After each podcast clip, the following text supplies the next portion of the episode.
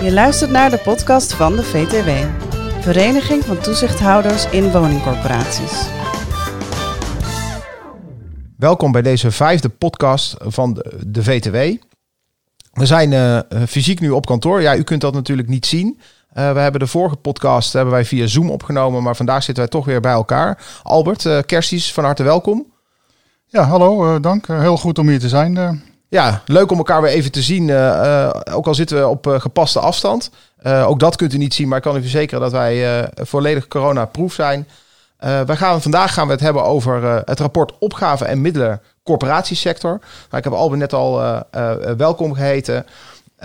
Albert is directeur van de VTW. mijn naam is Hans Schurts. Ik ben senior beleidsmedewerker Public Affairs en Communicatie bij de VTW. En het rapport opgave en middelen heeft een enorme impact gehad. vlak voor het zomerreces van de Tweede Kamer kwam dat lang verwachte rapport uit. Onderzoek is gedaan door drie ministeries: Binnenlandse Zaken, Financiën, Economische Zaken en EDES. De conclusies zijn somber, maar wel heel duidelijk. Ja, Hans, dat klopt inderdaad. Het is een rapport van drie ministeries en van EDES. Dus de constateringen, conclusies in het rapport, die doen er echt toe. En de corporatiesector komt volgens het rapport tot 2035 zo'n 30 miljard euro tekort. En dat is een kwart van de maatschappelijke opgave. Dat is echt een gigantisch bedrag. Ja, en het is sectorbreed. Dat klopt. Uh, zelfs over een paar jaar, vanaf 2024, ontstaan er in bepaalde regio's al uh, knelpunten op financieel gebied. En uh, vanaf 2028 gaat de hele sector daar financieel wat van merken. Dat betekent dat corporaties in de regio's waar binnen een paar jaar al een tekort dreigt, nu al intensief moeten bekijken met elkaar wat dat betekent voor de opgave de komende jaren, afgezet tegen de schaarse middelen die ze hebben. Ja, en hoe, hoe is het rapport aangekomen? Ja, best wel heftig. Het was natuurlijk wel uh, al uh, niet echt een verrassing. Maar nu je die bedragen zo ziet, dan zie je dat er echt een groot probleem ontstaat. En sommige regio's al heel snel. En daarom is ook het onderzoek trouwens ingesteld, de, op basis van de motie Ronnes. Om te kijken hoe, wat nou precies de omvang is van de middelen die tekort komen.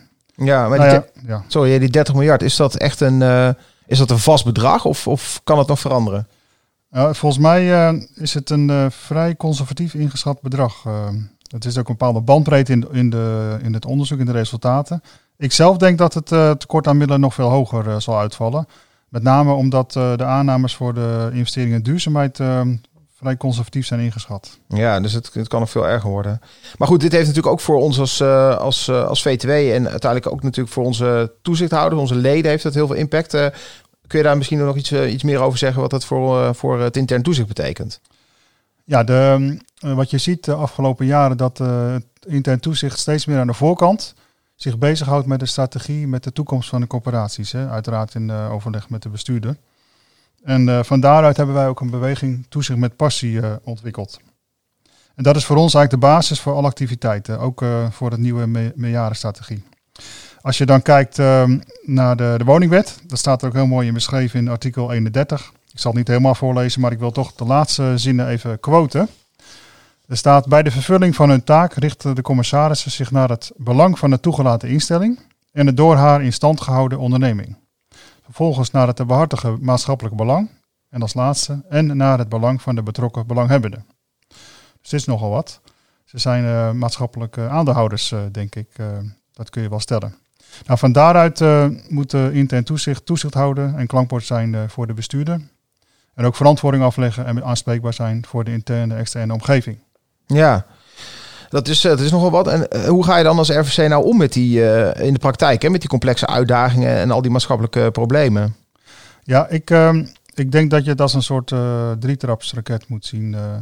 je moet ook eerst ehm, het belang van de eigen organisatie, hè, van de, met name de toekomstige huurders en de huurders eh, voorop stellen. Wat is eh, ervoor nodig om in eh, je eigen werkgebied ehm, te voldoen aan de wensen van mensen die zelf geen woning kunnen kopen? Hè? En dan moet je ook denken aan beschikbaarheid, betaalbaarheid en duurzaamheid. En vervolgens ehm, moet je ook kritisch kijken naar of je nog middelen over hebt in deze tijd. En dan moet je, denk ik, ehm, voor, met name naar de woningmarktregio kijken. Hoe kun je elkaar als corporaties in die regio helpen? En dan moet je echt eh, goed met elkaar over doorspreken van willen wij dat en eh, is dat verstandig en hebben we daar middelen voor. En als laatste zou je nog landelijk kunnen kijken om elkaar te ondersteunen. Maar dat zie ik niet zo heel snel gebeuren. Ja, nou, je zegt, uh, je hebt het over een drietaps uh, raket. heb je misschien nog ja, advies of, of iets zeggen over wat voor criteria die je, daar zou, die je daarbij zou kunnen gebruiken? Ja, ik zou wel een aantal dingen in overweging mee willen geven voor, voor onze leden. Allereerst is natuurlijk de vraag belangrijk waar je als coöperatie nou voor bent en voor wie. Heb je dat goed met elkaar als raad en met de bestuurder doorgesproken? Weet je goed wat de lokale en regionale opgaven zijn voor de korte en lange termijn? Uh, en dan denk je, moet ik al gauw denken aan maatschappelijke volkshuisvestelijke criteria. Heb je die met elkaar afgesproken? En, en dat moet uitmonden in een uh, gezamenlijke toezichtsvisie. En uh, als het goed is, hebben alle corporaties die, alle raden van toezicht, raden van commissarissen. Maar kijk er nog eens goed naar, zeker in het kader van de, van de opgave-middelenrapport. Ik zou ook regelmatig een, een bijeenkomst organiseren met de bestuurder en met elkaar om hier eens rustig met de benen op tafel over door te praten. Bijvoorbeeld, wat is echt nodig, wat kan wachten? moet je wel als coöperatie voorop lopen op het gebied van de energietransitie als voorbeeld. Kun je beter even afwachten op uh, goedkopere innovaties. Um, hoe zit het met je financiële parameters? Um, waarom zou je bovenop de WSW-parameters eh, de grens uh, nog een schepje extra doen voor de zekerheid? Misschien moet je juist schepper aan de wind varen, of niet. Dus bespreek dat met elkaar.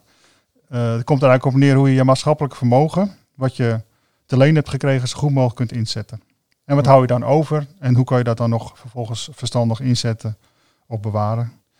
Uh, ik denk ook voor het belangrijk om te kijken welke termijnen je, je in ogenschouw neemt. je kan nu naar de korte termijn kijken, maar ik denk ook heel goed, zeker voor een uh, corporatie met veel vastgoed, naar de langere termijn.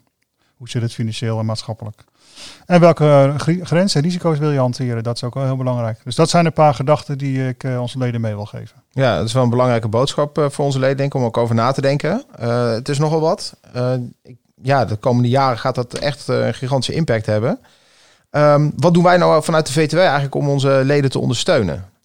Ja, we hebben gelijk na de uitkomst van het rapport een aantal bijeenkomsten georganiseerd. eind augustus, begin september vier online bijeenkomsten, doen tegenwoordig alles online. Er was heel veel belangstelling voor, geloof ik 240 uh, eh, leden. En dat hebben we samen met Edis gedaan. Dat was echt een heel mooie samenwerking. Oké, nou ja, goed. En, en, en, ja, wat was nou eigenlijk de belangrijkste les of wat kwam er naar voren uit die, uit die bijeenkomsten? Wat hebben we daarvan geleerd? Ja, de impact van, die, uh, van de toekomstige grote tekorten, dat is echt wel binnengekomen bij onze leden.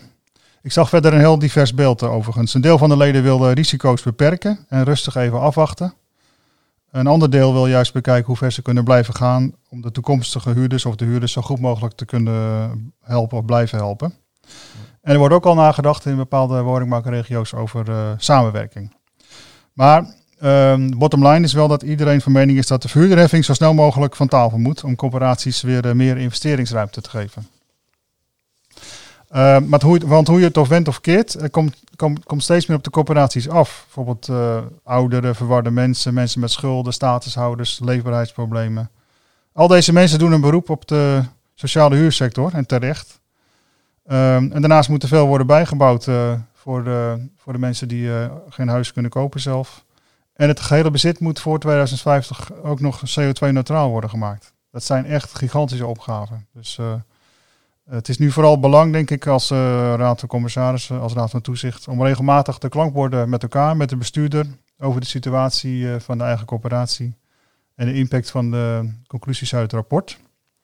Maar ik denk dat onze leden daar over het algemeen nog heel druk mee bezig zijn. dus dat heeft best wel impact op het functioneren en realiseren van intern toezicht. Ja, uh, misschien uh, tot slot uh, kun je misschien nog wat zeggen over wat we als VTW nu aan het doen zijn op dit moment om leden daarin bij te staan bij die, bij die uitwerking van die, van die opgave? Ja, verschillende dingen. We hebben nu ehm, ook een nieuwe handreiking over toezicht en financiën, financieel beleid, ehm, die is net uit.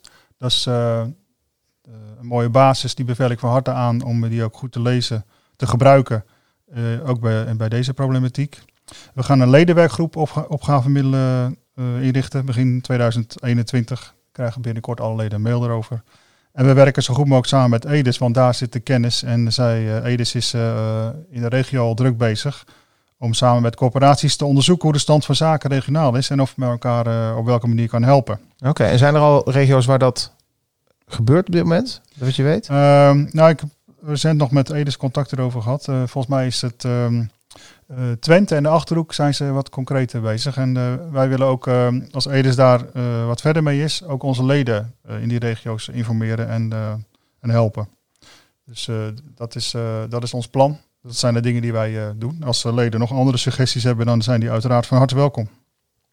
Oké, nou dat is goed om te horen. Dus eh, nou, u kunt eh, altijd uw, eh, uw opmerkingen, vragen, suggesties aan ons doorgeven.